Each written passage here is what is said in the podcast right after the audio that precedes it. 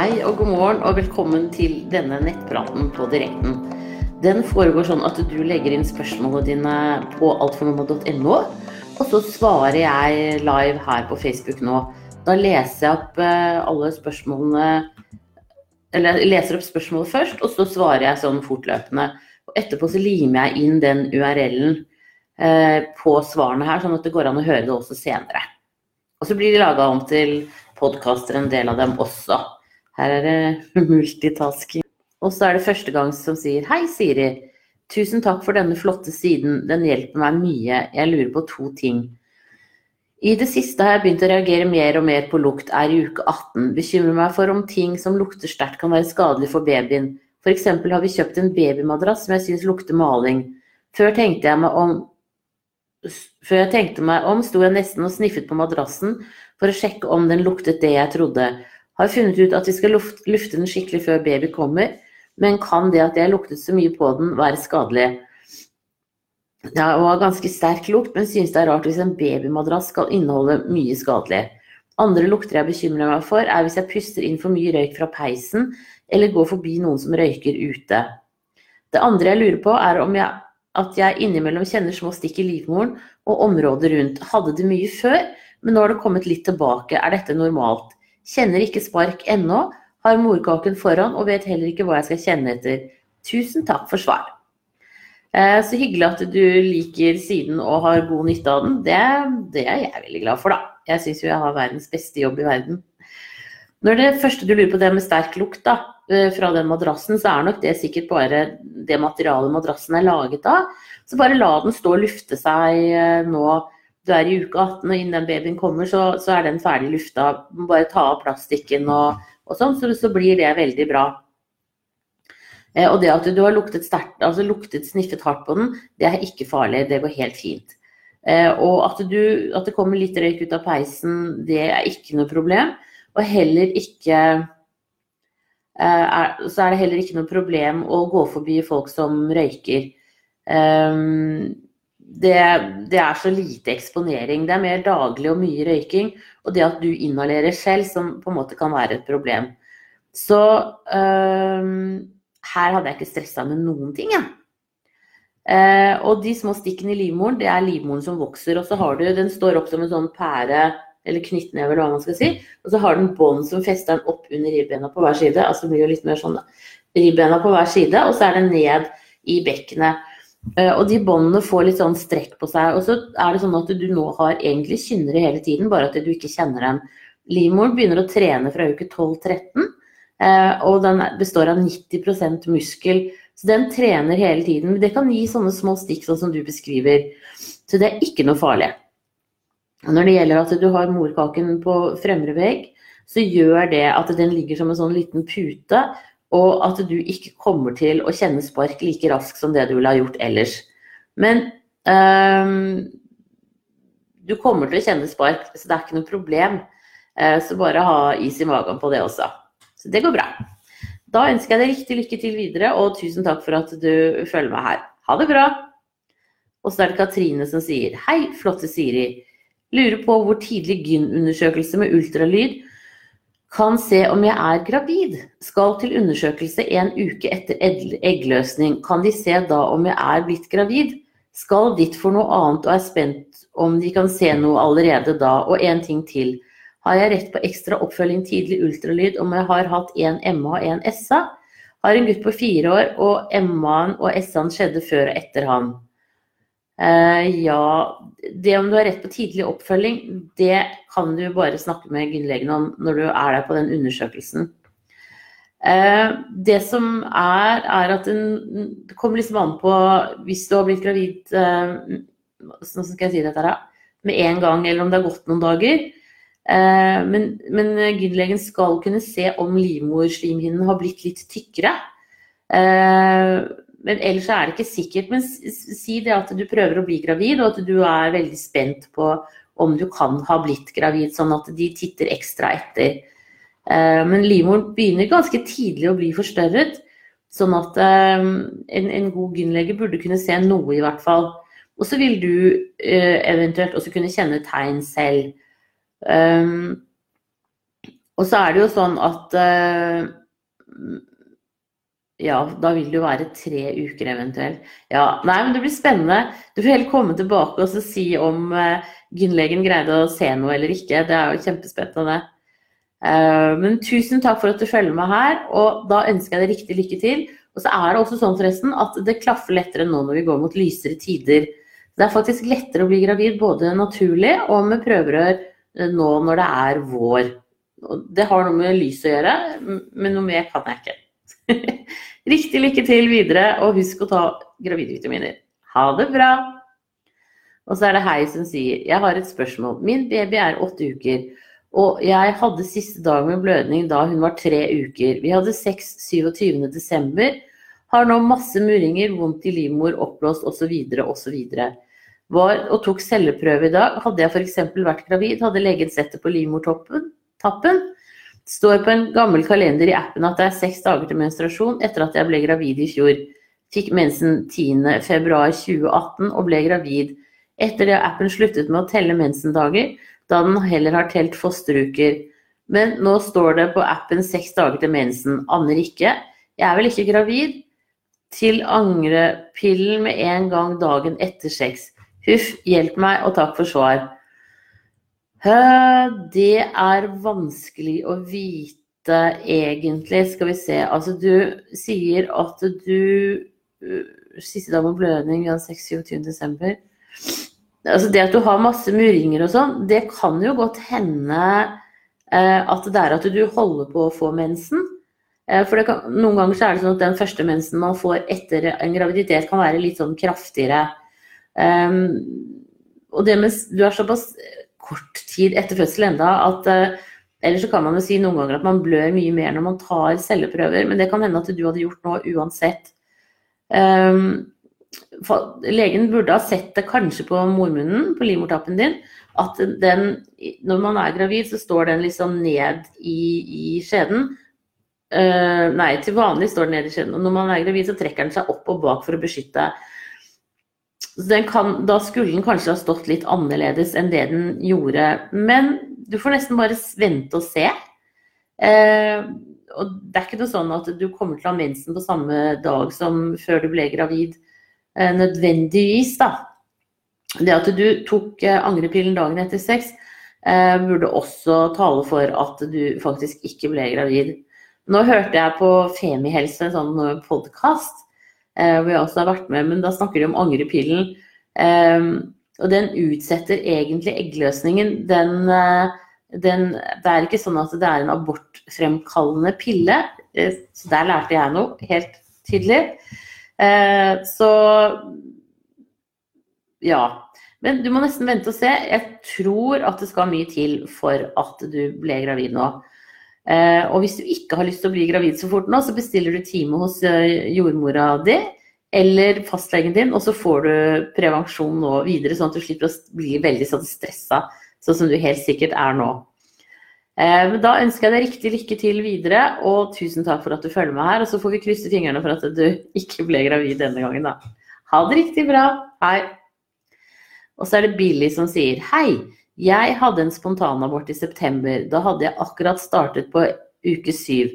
Nå er jeg gravid igjen, skulle hatt mensen forrige tirsdag. I går tirsdag hadde jeg en blødning, litt brunt blod og brunlig utflod. Det var også litt i svakt brunlig utflod i dag tidlig. Det var nesten akkurat som den forrige spontanaborten begynte, bare at da var det veldig lite de første dagene. Men nå har jeg også vondt i korsryggen, og det stråler verker i beina. Ingen særlige mensensmerter i magen tenker jo at det ikke går denne gangen heller. Eller er det noe jeg burde gjøre nå, annet enn å bare vente? Er det sannsynlig at det er noe med kroppen min som gjør at fosteret ikke klarer å utvikle seg videre? Hvis det ikke går nå, kan jeg da be om utredning fra fastlegen? Jeg er så klart lei meg for at det kanskje går dårlig nå også, men det er ikke like stressende som første gang. Men jeg gruer meg utrolig mye til at jeg eventuelt blir gravid på nytt. Blir så redd for å gjøre noe feil og det er vanskelig å gå og vente. Derfor tenkte jeg at det ville føles bedre hvis legen faktisk undersøker om noe kan være galt. Ja, vet du, det syns jeg er en god idé. Fordi at eh, da kan legen måle hormonnivåene på deg nå. Eh, og noen ganger så er det sånn at man lager for lite progesteron eh, etter, etter, at man har blitt gravid, og da mister man Det kan også være en koagulasjonsforstyrrelse i blodet ditt. Eh, sånn at eh, jeg tenker at få time hos legen din nå, så kan dere måle HCG og se om det som er graviditetsbevarende hormoner, og se om den er stigende eller synkende.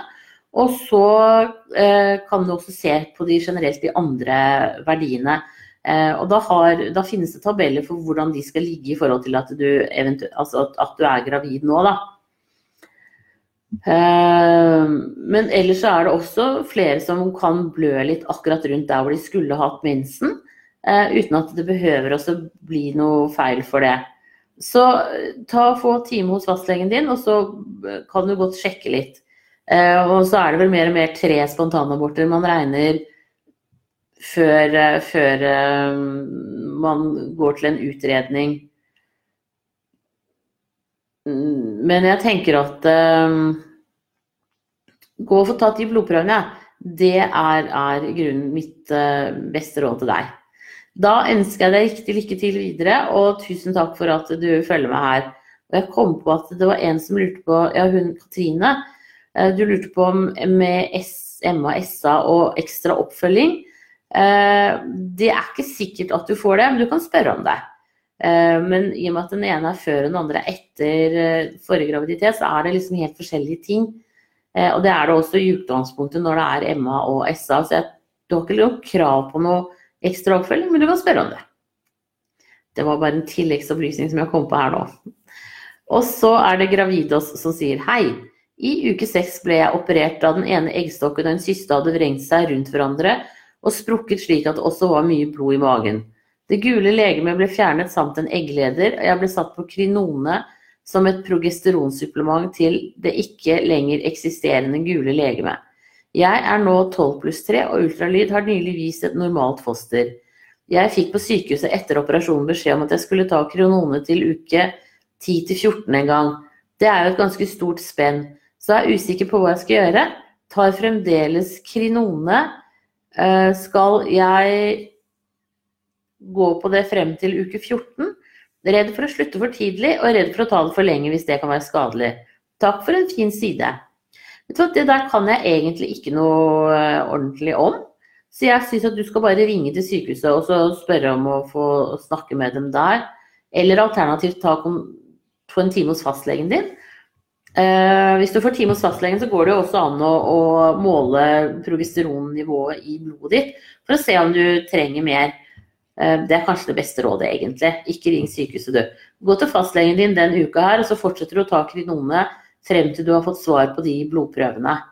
Um, men ellers er det helt fantastisk da, at du selv etter en operasjon er gravid og alt er normalt og bra. Det er jo veldig positivt.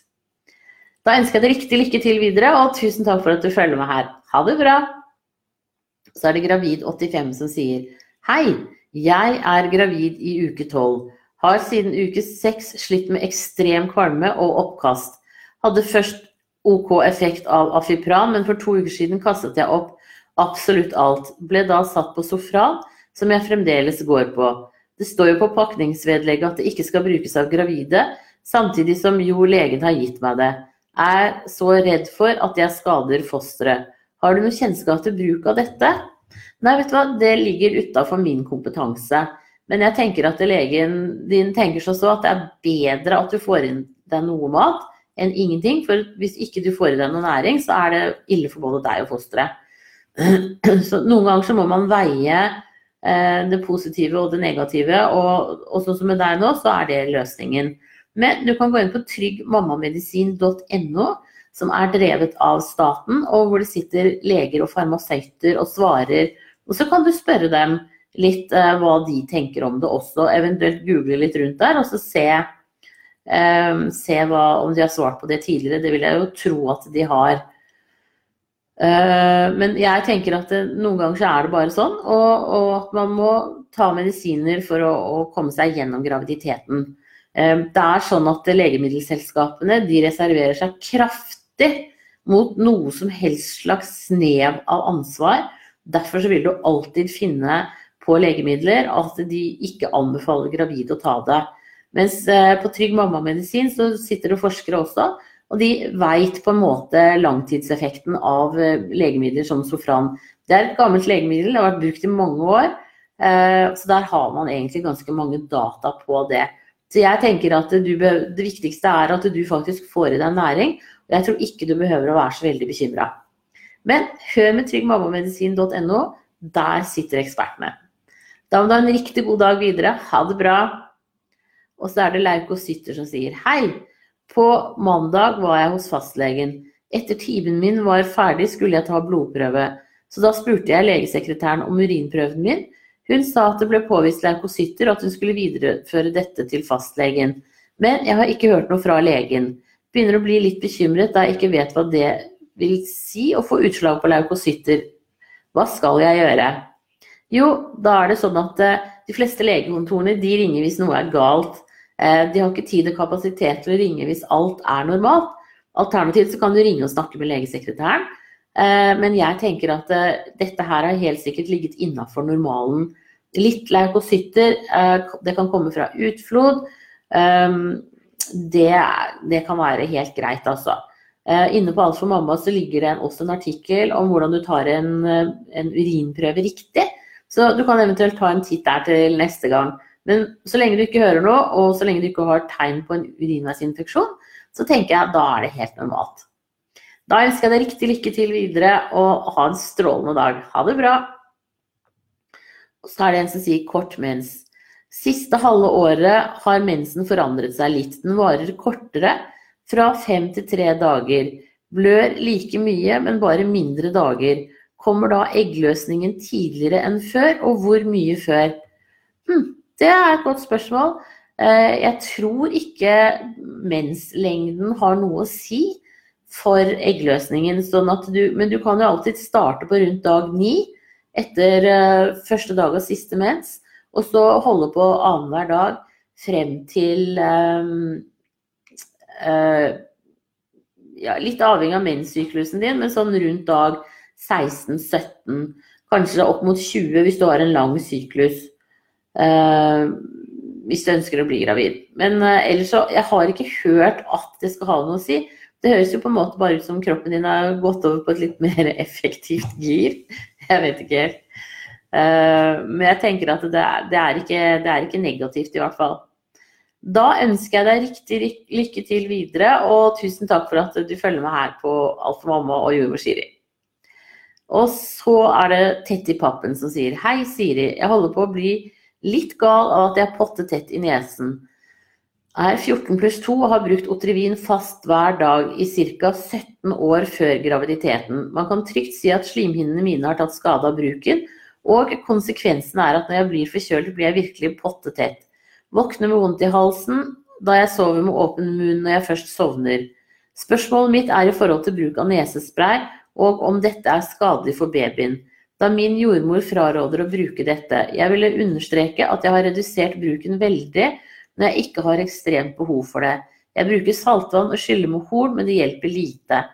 I tillegg lurer jeg på hvilke halstabletter som er ok å bruke, da jeg på apoteket fikk Fribol som inneholder lakrisekstrakt. Tør ikke ta de pga. dette. Tusen takk for svar. Eh, ja, når det gjelder det med nesespray og sånn, så er jo det riktig at de stoffene er jo ikke helt bra. Så jeg tenker at uh, det du kunne gjort, var jo å få fastlegen din til å henvise deg, sånn at du kan begynne på sånn avvenning uh, eventuelt. Og det er kjempebra at du har redusert bruken, det er helt supert. Uh, det du også kan prøve, er jo å bytte over til et annet merke som inneholder litt andre stoffer enn Otrivin. Eh, sånn at du kan ta det på de virkelig ille dagene. Eh, det er flott at du bruker saltvann og skyller med horn. Eh, selv om du kanskje ikke merker så veldig god sånn bedring akkurat der og da, så er det faktisk med på å normalisere slimhinnene dine. Så det er positivt. og så, ellers så kan du altså sånn Repsil og, og alle disse her andre eh, halstablettene Nå husker jeg plutselig ikke hva de heter, jeg. Men, eh, men det meste er jo helt greit å ta. Og så kan du slå opp på fribord på produsenten og så se hvis det ikke inneholder den lakrisen som heter glycerin. Eh, jeg har skrevet en sånn artikkel også på Alt for mamma om lakris. så er det helt greit å ta det. Det er ikke all, alt lakris som uh, inneholder glyhysterin. Um, så, det, så, det, går an å um, i hvert fall google deg frem og så se hva det står om akkurat Fribol. Uh, men ellers så får fastlegen din til å henvise deg når det gjelder dette å komme seg av nesedråper. Jeg vet at det er kjempevanskelig, uh, men, men, det er, kan være lurt å, å gjøre det, altså. Um, ja, du kan jo kan spørre inn på Trygg mammamedisin du også, eh, om de har noen gode forslag til andre ting man kan gjøre der. Da ønsker jeg deg riktig, riktig lykke til videre. Og eh, sånn legemidler og sånn kan ikke jeg svare så mye på, men der er som sagt altså, Trygg mammamedisin sted å gå. Da må du ha en strålende dag, og håper du snart blir litt bedre i nesa også. Ha det bra! Og så er det Sol Anni som sier Hei, jeg er jordmor Siri. Jeg har skrevet til deg tidligere, og du har beroet meg mye med svarene dine. Derfor prøver jeg i dag også. Ja, men det er hyggelig da, at jeg kan hjelpe til. For ca. fem måneder siden fødte jeg en fantastisk gutt. Jeg er fullammer og pumper i tillegg. Bare timer etter fødselen gikk jeg på WC for å ha avføring. Dette uten problemer frem til for ca. to måneder siden.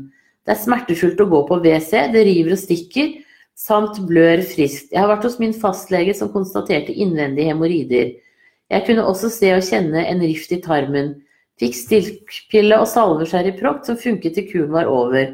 Var inne til etterkontroll hos legen som forsøkte å kikke inn i tarmen. Der syntes det begynte å komme tilbake. Han kunne se litt hemoroider, og dette kjente han òg. Fikk beskjed om 14 dager med Sherryproct-salve.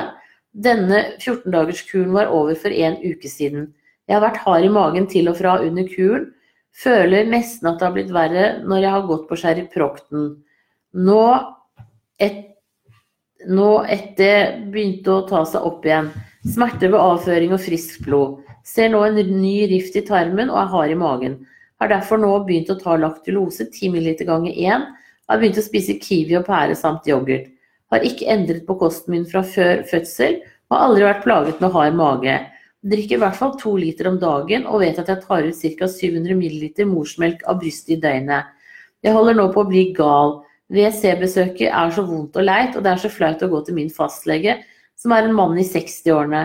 Kan du komme med noen tips og råd? Beklager mitt lange innlegg. Klem fra Sol. Ja, hemoroider er ikke morsomt, og rifter og sånn. Um, sånn at eh, det jeg tenker at Grunnen til at du har blitt treg i magen, det er jo fordi det er vondt å gå på do, og da vegrer du deg. Så det er bra at du tar og spiser kiwi og pære og, og, gjør de tingene som på en måte for deg gjør at maven din blir litt mykere. Du kan også prøve å drikke Biola eh, og sånne ting som er med på å regulere bakteriene i tarmen. Så jeg tenker at det, det er nok liksom hovedårsaken til at du blir treg i magen nå. Det er ikke egentlig på en måte noe galt med det vanlige kostholdet ditt. Eh, det du kan prøve mot hemoroider, er akupunktur. Eh, sånn at det også egentlig da fortsette med Sherryproct stikkpiller til dette her gir seg. Alternativt høre om det finnes andre remedier du kan ta. Du kan også høre på tryggmammamedisin.no om de har noen forslag til andre medisiner mot, eh, mot eh, hemoroider. Men Faktisk så, så kan eh, akupunktur hjelpe fordi at det trekker opp og strammer. Eh, så, så, det er mitt råd også til deg. Men fortsett med kiwi og de tingene som gjør at det blir mykt. Og flott at du drikker to liter om dagen, i hvert fall. Eh, og så må du heller på en måte bare gå på do i det øyeblikket du kjenner at du skal. sånn at, at det ikke blir bare mer og mer avføring som blir hardt. Eh, og dessverre så er det jo sånn. Um, og så kan du jo vurdere å bytte fastlege alternativt. Jeg vet ikke om det er noen leger som er sånn spesialister eh, i forhold til hemoroider og sånn. Uh, det kan jeg faktisk ikke nok om, men kanskje de på Trygg mamma med medisin har noen gode forslag å, å komme med der. Men det er helt opplagt at du Altså det, det at du Det høres jo ut, syns jeg, da, som at du trenger eh, stikkpiller en periode til, sånn at tarmen din kan få helet seg litt mer. Um, rett og slett. Så, så spør på Trygg mammamedisin, hør om de har andre alternative medisiner du kan bruke. Eh, og så går du tilbake til fastlegen din og eventuelt sier dette. Alternativt så tenker jeg også at du bør få eh, resept på Sherryproct stikkpiller eh, og gå en litt lengre kur i forhold til det. Så litt bedre medisiner, eh, gå på do når du må, eh, og prøv å liksom gå før det blir for hardt, på en måte. Og fortsett gjerne med laktulose eh, helt til dette her gir seg. Da håper jeg snart For det, det, det, å ha en rift og det å ha hemoroider i endetarmen, det er jo et veldig utsatt sted fordi at det, det hele tiden passerer avføring. Så det er både det mekaniske med det, men det er også det bakterielle. Så det, er, det kan være tricky å bli kvitt. Og også da prøv akupunktur. Da ønsker jeg deg riktig lykke til videre. Og jeg håper at det snart ordner seg for deg, for at hemoroider er plagsomt. Altså, det er ingen tvil om det. Da ønsker jeg deg riktig lykke til. Ha det bra. Og så er det smiltegn, smiltegn, smiltegn som sier er 26 pluss 0. Får ikke sove lenger, ligger bare og vrir meg. Får leggkramper og en ekstremt aktiv baby på natta. Kan man ta sovemedisin? Er litt desperat. Sover generelt veldig lite for tiden. Vet du hva, dette syns jeg du skal ta opp med fastlegen din. Eh, når det gjelder medisiner og graviditet, så, så, er det legene de som svarer på dette. Men det jeg tenker, det er jo at du, hvis du har mye leggkramper, så kan du også prøve med tilskudd av magnesium. Og det tar du rett før du legger deg om kvelden. For magnesium virker også søvndyssende, i tillegg til at det tar leggkrampene. Så prøv det nå. Eh, det kan godt hende at det tar en uke eller to før det virker. For hvis du Leggkramper er et uttrykk for at du har lavt magnesiumnivå i kroppen. Eh, så da må du på en måte du må fylle opp lagrene først, og så begynner det å virke. Eh, og det som er ekstra, det går ut i avføringen, sånn at det faktisk holder avføringen mykere. Det kan også være noe for deg, Sol, som var det forrige spørsmålet. Magnesium er med på å holde eh, avføringen myk. Um, og hvis man tar det med tilskudd av D-vitaminer, så vil det også øke opptaket. Så jeg skjønner godt at du er litt desperat når du sover så dårlig. Uh, og jeg tenker at det kan hende at du skulle vært gradert sykemeldt. Sånn at du på en måte, hvis du sovner på etternatta, at du kan sove litt lengre på formiddagen. Eventuelt at du uh, er 100% sykemeldt en uke eller to, bare for å komme helt nedpå. For når man blir sånn ikke får sove, så blir man så stressa og så gjør det igjen at du sover dårligere. Så jeg vil også prøve beroligende sånn soveteer som de har på helsekosten, uh, før du legger deg om kvelden. Men få time hos uh, fastlegen din, og så snakker du med vedkommende om hva som er lurt for akkurat deg å gjøre. Da ønsker jeg deg riktig lykke til videre, og håper at du snart får litt orden på søvnen din. Men det er hormonelt, og det er jo ikke så lett å fikse så lenge man er gravid alltid. Men det er ting som kan gjøres som gjør det litt lettere. Da ønsker jeg deg riktig lykke til videre, og tusen takk for at du følger meg her. Ha det bra! Og så er det bekymret som sier Hei, jordmor Siri. Jeg er andregangs gravid og akkurat kommet til uke 13. Jeg har siden nyttår vært plaget med tørrhoste og dårlig allmenntilstand, og gikk dermed til legen mandag denne uken. Her fikk jeg påvist kraftig bronkitt og bihulebetennelse. Jeg fikk penicillin, aposilin mot dette i går onsdag, fikk jeg igjen telefon fra legen om at jeg ikke hadde bronkitt, men at prøvene viste en skjult lungebetennelse, klamydia-lungebetennelse, og at penicillin ikke ville virke. Fikk derfor utskrevet en antibiotikakur som ikke skulle tas av gravide i første trimester, men siden jeg var akkurat kommet i andre trimester, kunne jeg begynne på den. Jeg kjenner at jeg ikke har så lyst til å ta denne antibiotikaen.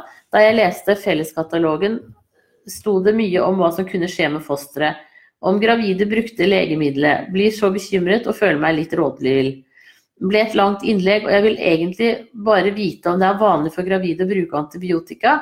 Og siden jeg er akkurat kommet i andre trimester, kjennes det liksom ikke trygt. Stoler på at legen vet hva han gjør, men hadde jeg vært lengre på vei, hadde jeg nok ikke stusset slik over det. Takk for kjempefine sider og side, og på forhånd takk for svar. Med vennlig hilsen bekymret gravid. Tusen takk for at du liker siden min. Det er kjempehyggelig å høre.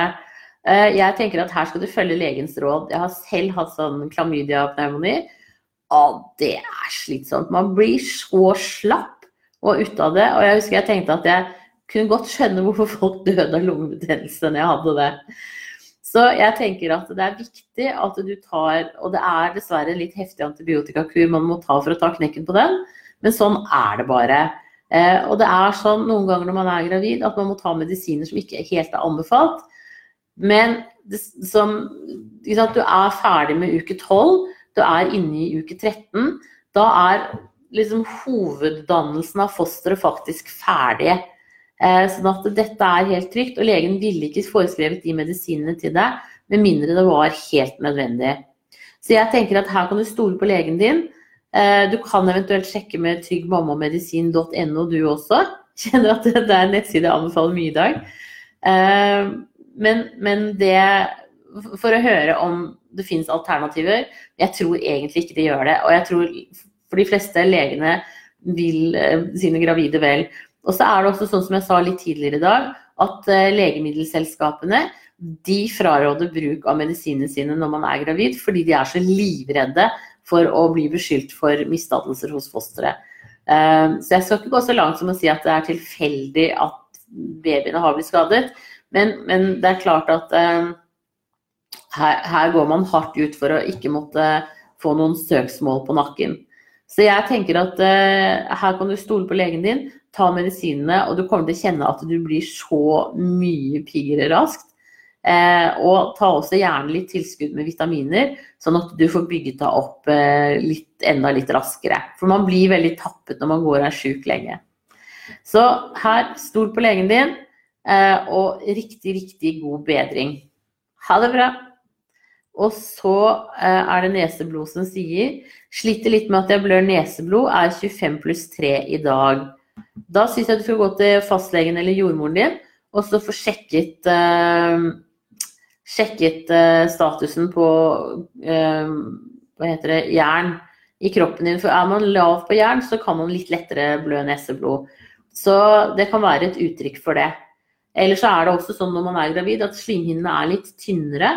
Sånn at det, det er lettere å, blø både fra skjeden og fra nesen, og, og også gommene når man pusser tenner. Men alltid lurt å få sjekket det og få tatt en full status på det med vitaminer og mineraler, og se om, om det er noe du mangler. Da ønsker jeg deg riktig lykke til, og tusen takk for at du følger meg her. Ha det bra! Og så er det Kari som sier Hei, Siri. Jeg har en gutt på fire og en. Han er frisk og rask. Om to uker ønsker vi å besøke min venninne som bor i en annen by for en helg. Hun har to på barn på, en på fire år og en på ett år. Det minste barnet på ett år fikk påvist RS-virusen 4.1, og hun fikk beskjed fra lege om at barnet måtte holde seg borte fra barn under seks måneder. Barnet er på bedringens vei og hoster mindre, men vi lurer på om det er trygt for meg og min gutt å dra på helgebesøk til dem når han har hatt dette viruset nylig. Det er som nevnt to uker til, og skal jo så klart se an formen til barnet som har vært syk. Men jeg lurer på om det er et tidsrom man bør holde seg borte uansett. Takk for svar. Uh, ja, vet du hva, dette her må jeg google. Uh, og det stedet som jeg som oftest finner svar på sånn som dette, det er norskhelseinformatikk.no. Um, men jeg skal finne den linken og så lime inn til deg også. Uh, og det er klart at det som er jo interessant, er jo om den på fire år har hatt RS-virus. For hvis ikke, så kan den potensielt bli syk og smitte videre. Eh, men det kommer an på inkubasjonstid og litt sånn forskjellig. Så jeg tenker at eh, jeg, jeg skal google det, og så skal jeg gi deg et, eh, en link og et skriftlig svar. For dette kan jeg ikke svare på på stående fot, men superbra at dere tenker smitte her. For RS-virus er et slitsomt virus å få. Det er ikke så bra, det, altså. Da ønsker jeg deg riktig lykke til videre, og tusen takk for at uh, du følger med her. Ha det bra! Og så er det tvillingmor som sier hei. Jeg er gravid med tvillinger og lurer på hvordan det bruker å bli med fødsel. Er det tryggere med keisersnitt? Tenker på om den andre skal sette seg fast eller få oksygenmangel. Syns dette er skummelt. Jeg har den tryggeste formen for tvillingsvangerskap, der de ligger helt atskilt. Likevel er dette et risikosvangerskap. Hva innebærer det egentlig? Bør jeg ta det helt med ro fremover? Er i uke 16 nå. Uh, nei, du trenger ikke å ta det helt med ro, men det er veldig mange som blir sykemeldt rundt uke 20. Så det kommer litt an på hva slags jobb du har, uh, og hva slags muligheter det er for tilrettelegging på, på arbeidsplassen din. Så det kan du jo snakke med lederen din om. Uh, og så er det jo svangerskapspenger og ikke sykemelding som man da burde få. Fordi det er ikke du som er syk, men det er fordi at eh, arbeid kan utgjøre en risiko for fostrene dine. Uh, og det er både psykisk og fysisk. Men veldig mange greier seg med redusert arbeid. Da. Man trenger ikke å være 100% ute. Så svangerskapspenger kan også være graderte. Risikosvangerskap er det jo fordi at det er to der inne. Eh, det behøver ikke å gå noe mer galt eh, for det om, og de fleste greier fint å gå med tvillinger. Eh, og det er jo supert at du har tvillinger som ligger atskilt i hver sin pose. Og det også er jo en fordel under fødselen. Det som, det som skjer under fødselen, er at du blir overvåket med ultralyd. De følger veldig nøye med, og så er det dobbelt sett av alle inne på fødestuen. Da. To jordmødre, to barneleger, to barnepleiere. Eh, og alle, og helt sikkert også en gynekolog. Og alle jobber for at dette her skal gå glattest mulig. Eh, det fordrer at eh, tvilling 1 og tvilling 2 ligger i hodeleie i utgangspunktet. Og så, når tvilling 1 er ute, så vil de på en måte føre tvilling 2 ned. Sånn at det er en litt mer sånn Altså man, man har all verstefallstenkning på plass. Eh, men det er nettopp for å gjøre at det er trygt å føde eh, tvillinger også, at ikke det alltid behøver å bli keisersnitt. Men det så det er mange faktorer som kommer til å lede opp mot denne fødselen din. Eh, og det behøver aldeles ikke å nødvendigvis å bli keisersnitt. Det som er liksom ålreit med at det ikke blir keisersnitt, er jo at du er sprekere etterpå. Et keisersnitt er jo at man skjærer gjennom bukmusklene, og det er en stor påkjenning for kroppen. Og du vil Eh, på en måte slite litt med å løfte tungt og sånn. Nå er jo disse bitte små etter at de har født, så de så tunge er det ikke å løfte på. Men, men, det er liksom litt sånn eh, ekstra med det. Så jeg ville jo definitivt ha satset på en vaginal fødsel hvis det er mulig. Men det vil vise seg hvordan dette her forløper, hvordan tvillingene legger seg. Og det kan godt hende at det blir bestemt bare de siste ukene før du skal føde, i forhold til hvordan de ligger. Fordi det er litt trangere også, så legger de seg nok til rette sånn, jeg vil tippe sånn mellom uke 32 og 34 en gang. Eh, sånn at du kanskje vet i hvert fall én til to måneder før fødselen. Eh, og så blir det også fulgt opp tettere med ultralyd en gang i måneden fra rundt uke 20. Eh, for å se at de legger på seg sånn de skal og, og sånn. Og siden de har hver sin pose, så har de også hver sin morkake. Og da kommer dine tvillinger til å gjøre det. Så det, det er ikke noe å bekymre seg for. Uh, og når tvilling er Altså det med oksygenmangel og sånn, de følger veldig nøye med. Og hvis en tvilling to skulle få oksygenmangel, så gjør de et keisersnitt. Og det er også sånn at eh, babyene er utstyrt med ekstra med blod. Eller altså ikke blod, men blodlegemer. Sånn at de tåler faktisk eh, å være litt under, uten surstoff, eh, uten å bli skadet av det. De tåler det veldig mye bedre enn det vi gjør. Eh, så det er, det er, mange sånne faktorer som spiller inn i, generelt da, eh, i en fødsel, for å sikre at eh, babyene har det helt fint lengst mulig.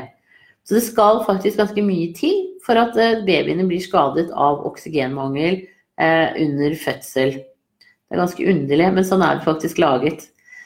Da ønsker jeg deg riktig lykke til videre med graviditeten, og så avtaler du med fastlege og jordmor de kontrollene som du skal ha på sykehuset videre fremover fra rundt uke 20, de er nok eh, mer en sånn, hva skal jeg si, litt stygt sagt kjøttkontroll.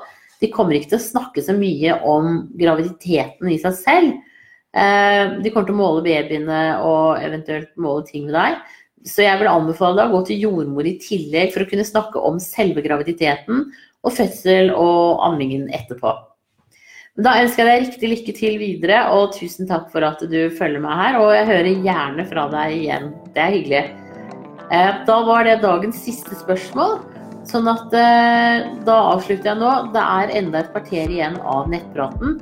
Så hvis det kommer flere spørsmål, så, så svarer jeg på dem skriftlig. Og ellers så var dette ukas siste nettprat. I morgen så kommer Ute Imhoff.